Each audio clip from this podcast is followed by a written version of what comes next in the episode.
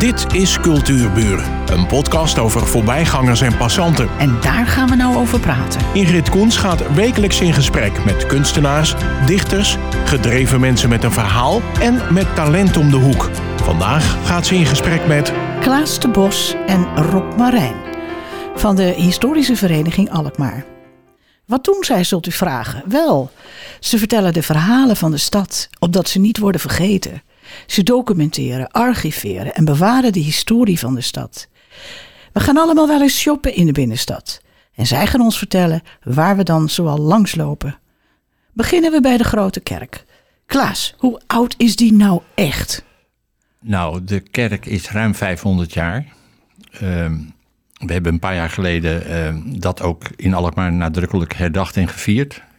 Misschien zijn er luisteraars die ook die, eh, die toren op zijn geweest, die je toen kon beklimmen. En ehm, dus, dus ruim 500 jaar. Maar de Grote Kerk heeft ook op die specifieke plek ook enkele voorgangers gehad.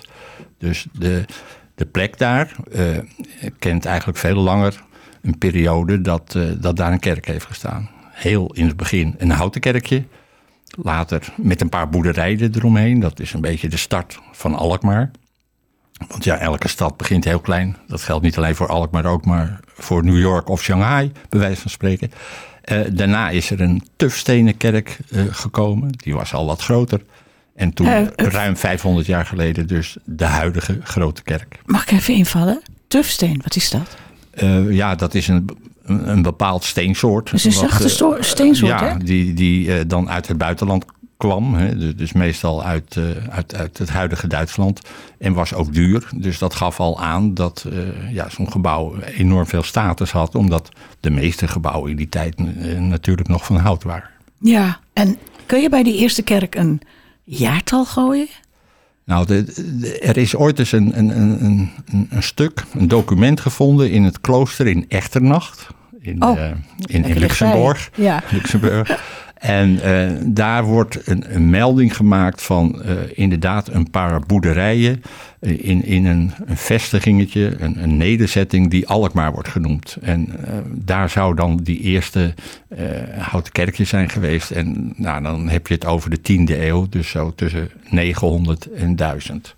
Dat vind ik dat al zo fantastisch. Het begin van Alkmaar. Maar ik denk dat de, de boeren die daartoe woonden uh, niet gedacht hebben... nou, wij zijn de eerste bewoners van nee. Alkmaar. nee. Ik moet je zeggen, ik krijg er altijd zo'n chauvinistisch gevoel... zo van, uh, Amerika was nog niet eens ontdekt. Wij waren er al en Ja. zij waren nog niet eens ontdekt. Dat vind ik, ja, sorry hoor, ik moet even zeggen. Uh, dan heb ik me altijd afgevraagd, als ik over de laat liep... wat betekent dat nou, dat woord te laat? Uh, de laat is een, uh, ja, een oud-Nederlands woord voor waterloop. Oh. Uh, rivier, kanaal, gracht. En de laat is ook heel lang een gracht geweest. Eigenlijk de langste gracht van, van Alkmaar. En niet zo breed. Je kunt in het profiel van de straat nog wel ongeveer nu zien... waar ongeveer de, de, de oever was van, van, de, van die gracht... En zo rondom uh, 1860, 1870 is hij gedempt. Omdat uh, ja, de, de, riolering, of tenminste de, ja, zeg maar de riolering kwam uit op de gracht. Dus het was een enorme stinkboel. Dus heel veel bewoners van de stad wilden eigenlijk ook dat dit soort grachten, waterlopen gedempt werden. En er kwamen steeds meer huizen bij natuurlijk. Ja, ja. Hoewel uh, we wel een hele lange periode hebben gehad. Dat geldt eigenlijk voor heel Nederland. Zo van, van 1650 tot 1850. Dat uh, het land ook qua inwoneraantal niet groeide. En ook geen, de steden ook niet. En pas na 1850 dan begint Nederland langzamerhand mee te doen met de industriële revolutie. Er komen fabrieken. Uh, de, de woningbouw wordt verbeterd. Er komt iets van gezondheidszorg. En dan zie je pas een groei van de stad. En dan zie je ook dat de stad, de steden weer gaan uitbreiden. Ja, heel veel wijken in Alkmaar, buiten de originele vesting, het Nassau-kwartier, het Emmer-kwartier, die zijn na die periode, 1860, 1870, beginnen die zich langzaam te ontwikkelen. Want dan groeit de stad. En dan zijn natuurlijk de mensen met geld die in de stad woonden, die konden het makkelijkste dan daar een mooi nieuw huis laten bouwen. Ja, ja. Zo ja, gaat ja. het altijd. En voor die tijd, wat speelde er dan mee dat die bevolking niet groeide? De pest waarschijnlijk? Uh, nou ja, de gezondheid. Geen handel, uh, ik bedoel, niet bereikbaar. Er zijn ook bekende verhalen dat, dat veel kinderen uh, jong stierven. Oh ja. en ja. De, de, na de Gouden Eeuw nam de, de economische ontwikkeling ook weer langzaam wat af. Dus dan, dat, dat bevordert ook nooit de groei van, van, van het inwoneraantal. Dus dat heeft eigenlijk ongeveer. Je ziet ook als je kaarten ziet van 1650 en 1850. In die 200 jaar is, is de, de oppervlakte van de stad is eigenlijk steeds hetzelfde gebleven. Namelijk binnen die. Ja, ja. Met hier en daar wat, uh, wat woningjes buiten, buiten. Ja, die vestingwallen kan je heel goed zien op die kaart. Is daar nog wat van over? Uh, ja, nou gelukkig wel. Uh, niet alles is, is gesloopt. we hadden een vestingswet in 1875. Toen hoefden de Nederlandse steden niet meer stadsmuren en wallen en poorten in stand te houden. Dus die mochten ze slopen. Dat is op grote schaal ook gebeurd. En je ziet dat die wallen, die zijn voor een deel afgegraven, maar die zijn wel onmiddellijk ingericht als, als een soort wandelparken. Oh, die ja. bolwerken die, en, en, en de singles zijn gehandhaafd. En dat, dat, dat stramien, die structuur, die vind je nog terug in Alkmaar. Ja, en ja. Is heel belangrijk om, uh, zeker nu, nu we groene longen willen hebben in de stad, ook belangrijk om te behouden. Ja, nou, ik weet er alles van. Ik, ik heb uh, Bart-Jan Frederiks van uh, de Oude Kwekerij al hier in het programma gehad. En als je ziet wat die doen om dat park groen te houden. En, en de imker heb ik gehad. En dat is zo leuk als je hoort wat een activiteiten er zijn om dat soort dingen weer tot oude glorie te brengen. Dat is geweldig. Ik heb nog één zo'n. Nee, ik heb nog twee namen. Het Vnitsen. Wat betekent dat? Het Vnitsen, daar heb ik over de eerste vijf levensjaren doorgebracht. Uh, dat, dat schijnt een verbastering te zijn van de naam van een Italiaanse stad, Venetië. Ach. En uh, waarom? Sommigen zeggen, hadden wij toen al handel met mensen uit Venetië? Want dat zijn natuurlijk ook echte handelaren. Of heeft het te maken dat in die omgeving heel veel water was? Ik, oh, ik denk het laatste. Ja, ja. En uh, nou, aan het eind van het uh, Vnitsen, daar uh, loopt de bierkade met het Noord-Hollands kanaal. Maar aan de overkant ligt een eiland, wat zo rond de 16, 1612, 1614 is aangelegd. En dat is toen ook al genoemd het Venetië eiland. Oh, dus daar, wat leuk. Daar zit een connectie tussen, tussen dan het Venetië en, en dat eiland, zou je kunnen zeggen. Goh, is leuk, ja. en het verdronken oord, wat is dat? Um, ja, wat is dat? Uh, u moet het zo zien. Vroeger lag er, uh, waar nu de bierkade is en de accijnstoren staat, lag de Voormeer. Uh, dus kade daarlangs heet ook nog Voormeer. Maar de Voormeer is veel groter geweest. Er is veel discussie van hoe ver liep hij naar de, zeg maar, naar de kant van de grote kerk op. Sommigen zeggen, dat Voormeer liep eigenlijk misschien wel tot het Waagplein. Het is ook wel grappig als je op het Waagplein zit op een terrasje. Dan zie je het uh, zo aflopen, het Waagplein, ja, naar het ja, water. Ja. En sommigen zeggen dus, kennelijk is daar waar die cafeetjes zijn, is, is oorspronkelijk een dijk geweest. En oorspronkelijk ook de eerste Alkmaarse haven. Maar goed, in de loop der eeuwen, in de middeleeuwen al, zie je dat de stad langzamerhand naar het oosten uitbreidt. En er worden steeds eilanden aangelegd in dat voormeer. Aangeplemd door zand, maar ook heel veel stadsafval. En, dus, en toen hebben ze een aantal, uh, bij dat aanleggen van die eilanden, hebben ze een, een, aantal waterlopen, als het ware gewoon ja, laten lopen, ja. om het water af te voeren naar de voormeer. En voormeer, Zegles, kwam dan weer uit in de schermen. En dat voorbeeld van zo'n waterloop is het Verdronken Noord. En dat is dus land wat, wat vrij laag lag. En uh, daar, daar zal het mee te maken hebben. Oké. Uh, ja, we hebben natuurlijk ook. Uh, even kijken hoor. We hebben ook Rob Marijn. En ik heb de website bekeken. En ik heb zo gelachen. Ik heb echt zo'n diepe glimlach op het gelaat gekregen. Ik lees het even voor. In november 1919 we slaan even wat over, werd in Alkmaar een initiatief genomen om in de kop van Noord-Holland een luchtvaartmaatschappij op te richten. NV Eerste Nederlandse Luchtrederij adverteerde met reclamevluchten, passagiersvluchten, demonstraties, postvervoer en goederenvervoer. En wat ik nou zo leuk vond, tevens boden zij de mogelijkheid re- reclame af te werpen bij de jaarbeurs in Utrecht voor 100 gulden bij 50 kilo. Nou, Rob, dat stukje heb jij geschreven. Je hebt er een boek over geschreven, geloof ik, hè? Nee, nee, nee, dat is niet helemaal waar. Oh. Eigenlijk komt dit stukje voort, is eigenlijk een, een, een, een uittreksel eh, van een veel breder artikel. eh, wat in Oud-Alkmaar, ons periodiek, eh, is verschenen de laatste keer. En, maar het is inderdaad waar, het is een, een ja, interessant en eh, eigenlijk ook wel komisch eh, artikel. Maar ook moedig, hè? Ook dat, moedig. dat het, ging. zijn, ja, het, zijn, het, het is een politieagent en een, wat, wat heeft de andere meneer ook gedaan? Die, die, die hebben gewoon hun baan opgegeven en zijn gewoon de- ja, dit begonnen. en dat getuigt, vind ik al, van een onwaarschijnlijke moed. en dat is op zich al heel geestig. Het, het is natuurlijk ook dat we er eigenlijk allemaal, en, en daar zijn we als HVA natuurlijk voor, de historische vereniging, om eh, dit soort dingen weer even eh, op te roepen en ons te verbazen over het feit dat dit is gebeurd. En dan de eerste Nederlandse, weet je wel, vind, Ja, ik, ook op, vind ik op zich ook al eh, geweldig. Ja. Dan kunnen we ons allemaal ongeveer voorstellen waar dat is geweest. eh, tussen, Nee. Ja, Vertel. nou ja, tu- tu- tussen Alkmaar en Egmond. Maar waar landen ze dan in Alkmaar? Waar was dat vliegveld? Nou, het was een, een provisorisch eh, vliegveld. En dat mag de naam eigenlijk niet gebruiken. Het, het, het was bij wijze van spreken een grasveldje. Was er zo goed als mogelijk vlak hadden gemaakt. Want dat ging natuurlijk niet zonder slag of stoot dat, dat landen of opstijgen. Wat voor vliegtuigen eh, vlogen er?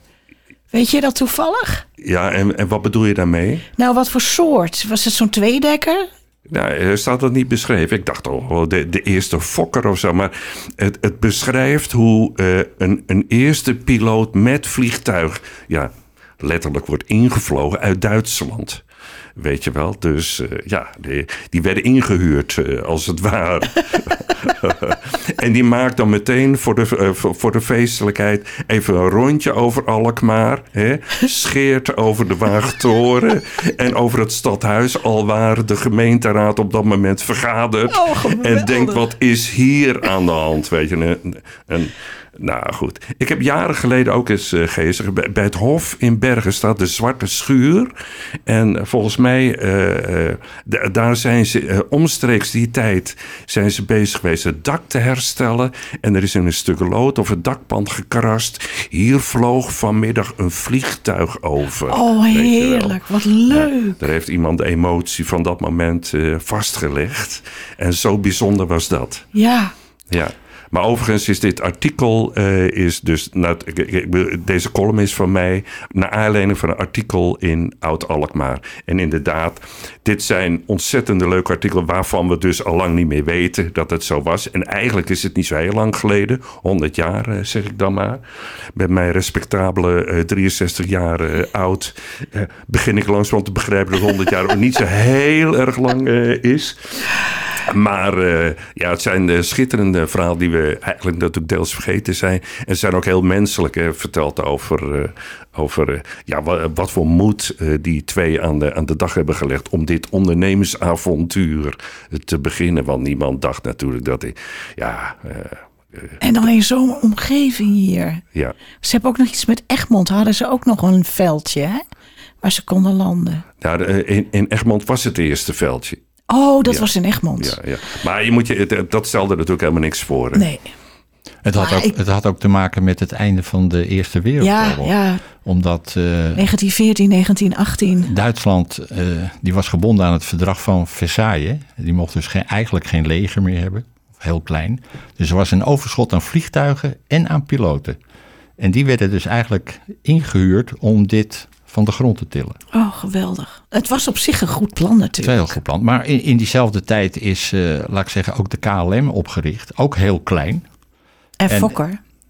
Als- Ja, Fokker als fabriek. Maar ja, de, de KLM is groot geworden. Maar dit soort initiatieven die hebben het uiteindelijk niet gered. Dus die zijn een beetje eh, ja, verdwenen in de vergetelheid van de geschiedenis. Zelfs nog wel leuk, er is een artikel in de Alkmaarse krant uit die tijd. Dat de burgemeester van Bergen, die eh, eh, zegt op een gegeven moment ook van... ik wil niet meer dat, eh, dat dit soort vliegtuigen en dit soort tochtjes over de gemeente gaan. Want eh, er kan heel veel schade ontstaan. Het kan neerstorten. En, koeien, koeien die hard gaan lopen. Dus die, die verbood dat, dit soort vluchten. Het is, zijn- wel, eh, het is wel geestig om te bedenken. De, de, de eh, historie herhaalt zich. Want er was toen inderdaad. eh, Er was natuurlijk geen wetgeving of regelgeving. ten aanzien van vliegtuigen of vliegverkeer in de lucht. En nu zitten we op een vergelijkbaar punt. Want we houden er allemaal sterk mee dat eh, pakketjes. eh, zo direct bezorgd worden door drones. En bij de aanleg van. en de ontwikkeling van nieuwe grote woonwijken. zoals we daarmee bezig zijn in Nederland. en wij hier ook bij de Kanaaloever. wordt al vooruitgedacht over. Eh, hoe moeten we zo direct dat droneverkeer in banen leiden. En eh, hoe, hoe, hoe houden we dat eh, onder controle? Zeg Ja. maar, dat dat niet kriskras met allerlei gevolgen door de lucht knalt. Ik hoef mijn pakketje boeken niet op mijn hoofd te hebben. Goh, geweldig. Oh, dat is even een mooie aanleiding. Jij bent van de communicatie, herop. Ja. Ja. Hoe Ik, komen ik, we... hoop, ik hoop niet dat je dit tegen me gaat gebruiken. Moet ik nog even over nadenken. Ehm, eh, hoe kunnen we aan dat tijdschrift van jullie komen? Vertel daar even iets van. Dit, dit is natuurlijk ontzettend interessant. Ja, nou, dat is zeker interessant. Ik eh, ben nu net eh, overigens ad interim een paar maanden ook hoofdredacteur geweest van Oud Alkmaar, het blad. En te maken gehad net met een drietal schitterende dames, redacteuren van het blad. En ik sta er inderdaad ver- verbaasd over. Dat, dat er ja, zoveel kwaliteit in het blad geleverd wordt. Dat, dat zeg ik met alle respect en bescheidenheid. Dit blad verschijnt drie keer per jaar. En als je lid bent van de historische vereniging. En dat ben je al voor 25 euro slechts in deze tijd van inflatie. Een lachertje natuurlijk. Want jij en ik gaan een kopje koffie drinken met een appeltaartje erbij. En dan zijn we het ook weer kwijt. En dan krijg je dus voor diezelfde 25 euro. Krijg je drie keer per jaar dit blad gewoon thuis eh, gestuurd. Jullie kunnen mij noteren. Ja, Ook voor de appeltaart. ja, en dat is eh, gewoon, dat vind ik echt eh, onvoorstelbaar. Het is echt een, eh, een serieus kwalitatief blad. We hebben wel eens een beetje gemoppen gehoord in de afgelopen jaren, want het zou wat te wetenschappelijk zijn. Die ambitie zit er ook wel een beetje in. Het is natuurlijk ook zo dat als je historische verhalen vertelt, dan moet je ook eh, zorgvuldigheid aan de dag eh, leggen. En deze tak van sport, historie en mensen die zich daar serieus mee bezighouden. En eigenlijk hoor ik dat van Klaas, de zorgvuldigheid in, in de informatie die hij hier vertelt. Ja, daar staat wel voorop. Dus wetenschappelijkheid eh, is wel een belangrijke basis voor de verhalen die je hierin vindt. Maar ook menselijkheid. En we moeten ons erover kunnen verbazen. en Misschien ook wel over kunnen lachen. Dat die twee gasten inderdaad de eerste Nederlandse luchtvaartmaatschappij beginnen. er Ergens bij eh, Egmond op een grasveldje. En dat zijn natuurlijk eh, ja, dat zijn, eh, schitterende dingen. Ja. En zonder dat blad kom je daar niet achter. Dan kom je daar niet achter. Ik ga weer even terug naar Klaas. We gaan even de geschiedenis in weer. We gaan weer even shoppen in Alkmaar. En dan komen we langs het huis met de kogel. Nou, dat moet je, goed, dat moet je weten. En dat is een, een ja, bijzonder is het niet. Maar, het is trouwens aan de Appelsteeg nummer 1. Maar ehm, ehm, het huis, het, het, die kogel is erin geschoten, was een 40 ponder. En dat was gebeurd in de Spaans beleg van 1573. En nou kunt u zeggen, ja, nou, een huis met een kogel erin, lekker belangrijk. Nee, dat huis staat daar al sinds dat Spaanse beleg. Dat is daar allemaal langsgetrokken, al die soldaatjes en zo. Ehm, wat is daar allemaal gebeurd? Je bedoelt eh, rondom dat beleg? Ja, en rondom Ja. dat huis, want het is natuurlijk een deel van Al- Alkmaar geweest, het Spaanse beleg. Ja, nou, eh, toen het Spaanse leger optrok naar Alkmaar, toen eh, hadden ze al in de gaten dat, dat de meest kwetsbare plek van Alkmaar de noordzijde was. Dus je zou kunnen zeggen, het, het hele stuk waar nu het Noord-Hollands kanaal loopt, van zeg maar het Munneke Bolwerk, eh, Friese, de Friese brug, naar het Eikgebouw in het Victoriapark. Waarom was dat? het? Omdat het allemaal open water was? Nee, we, we hadden wel een, eh, een verdedigingslinie, veel ook muren, maar eh, die waren eigenlijk achterhaald, hoewel ze nog ineens zo oud waren, door de techniek van, van het geschut. Eh, muren kon je op een gegeven moment met kanonskogels kon Ja, je vrij ja. makkelijk slechten. En men heeft toen op het laatste moment een plan bedacht. En het, het is een uitzonderlijke prestatie dat men in, in drie maanden tijd rondom een deel van Alkmaar een heel nieuwe verdedigingslinie heeft aangelegd. Bestaande uit het graven van nieuwe stadsgrachten, singels. En daarvoor het aanleggen met het zand, wat, wat je uit de grond eh, haalde. eh, daarvoor het, eh, het bouwen van nieuwe aardewallen. Bijna 2,5, eh, bijna 2 kilometer. Nou, dat is wat je nu nog terugvindt in Alkmaar. De, de baansingel, de Nieuwlandensingel en de Geestensingel. Alleen het noordelijk stuk, daar kwamen we niet aan toe, omdat de Spanjaarden voor de, zeg maar, voor de stad stonden. En dat, was, dat had ook nog versterkt moeten worden. En dat, dat was dus het kwetsbare stuk. En als je ook van die kant kijkt, eh, wat, wat bij de Friese, Friese brug, een stukje daarvoor, daar stond vroeger de, de, Friese poort, daar is enorm gevochten. De poort is ook helemaal in elkaar geschoten, maar ja, de mensen, inwoners van Alkmaar en soldaten gooiden er weer puin neer. Gooi- eh, ook met gevaar voor eigen leven probeerden ze dat te, te verdedigen. En ongeveer in dat gebied staat ook eh, dat huis met de kogel, hè, daar, daarachter. Dus het verhaal is dat, dat ze dus zo'n zo'n kogel in dat huis is gekomen.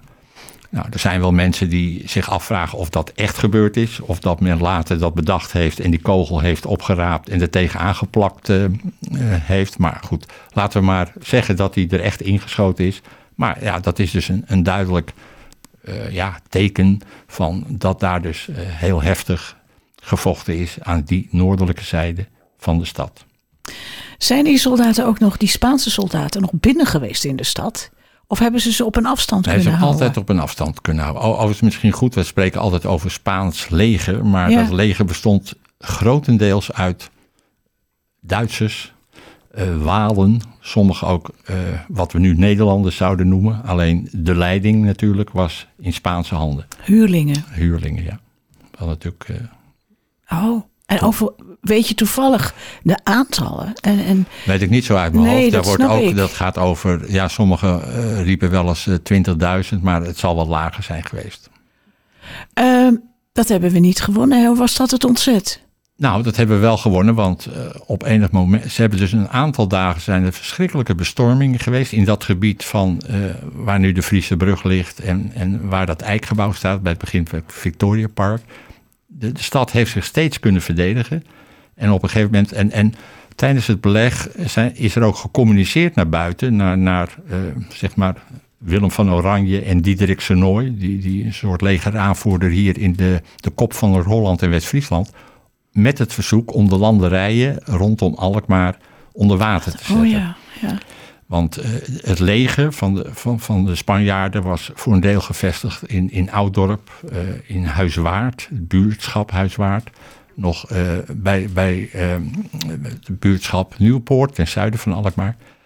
Nou, dat, dat, eh, en die boodschappen werd dan door een stadstimmerman, die had een polstok om over de sloten te springen, meneer Van der Meij. En die had briefjes dan in die polstok verstopt, is het verhaal.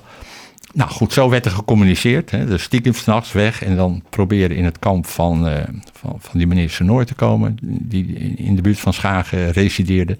En eh, uiteindelijk is besloten inderdaad om de weilanden onder water te zetten. Dat is nog niet zo makkelijk, want je steekt wel dijken door, maar er moet ook water zijn. De wind moet goed uit de goede richting Ja, het waaien. niet eh, Uiteindelijk lopen. is het gelukt. En nou, er waren in oktober al voortekenen dat de Spanjaarden eh, bezig waren om, om een kamp een beetje af te breken. En op de morgen van 8 oktober 1573 is er een patrouille geweest die eh, de stad verliet. Watergeuzen, soldaten, burgers. En die constateerden dat die plaatsen waar die kamp, kampementen waren geweest, dat die helemaal verlaten waren. En ja, daarmee is Alkmaar ontzet. En zou je kunnen zeggen, heeft Alkmaar het Spaanse leger kunnen weerstaan. En dat was de eerste keer in het begin van de 80-jarige oorlog. En vandaar dat we die, die bekende kreet altijd hanteren van Alkmaar de victorie. Ja, Of ja. in het Latijn vertaald, Alkmaria victrix. Heel duidelijk nu. En het Hof van Sonoy, dat is van die Diederik Sonoy. En die was uiteindelijk de, de, de opperbevelhebber van de, van de Geuzen. Ja. Ook nog even leuk. Dus als je daar op het terrasje zit, dan weet je dat dat ook uit die tijd komt. En laten we zeggen 1573. Ja, dat is, nou, dit is, eh, heel oorspronkelijk is het een klooster geweest. Ja, zo ziet het er eigenlijk nog steeds uit, hè? Ja, en eh, dat is wel, wel grappig, want daarnaast hebben we een plein dat heet het Hofplein. Het Hof, het Hof van, de kleus, van het klooster. En er loopt een, straatje, de Magdalenestraat. Ja, en Magdalene eh, verwijst naar eh, de kloosterorde die in dat klooster zat. Dus dat, dat, dat bouwwerk daar, dat is natuurlijk ook in de loop der jaren aangepast. Maar heeft een aantal functies gehad, maar was oorspronkelijk een klooster. We zitten aan de rand van de tijd. Ik heb het gevoel dat we nog veel langer door kunnen gaan. Helaas. Eh Klaas de Bok, bedankt voor je uitleg. Ik vond het heerlijk om naar je te luisteren. Rob Marijn, jij ook hartelijk bedankt dat je er was. Ehm, nou, ik zou zeggen jongens, tot de volgende keer. Graag gedaan. Dankjewel. Dit was Cultuurbuur, een podcast van Ingrid Koens en Streekstad Centraal. Bedankt voor de aandacht en tot de volgende Cultuurbuur.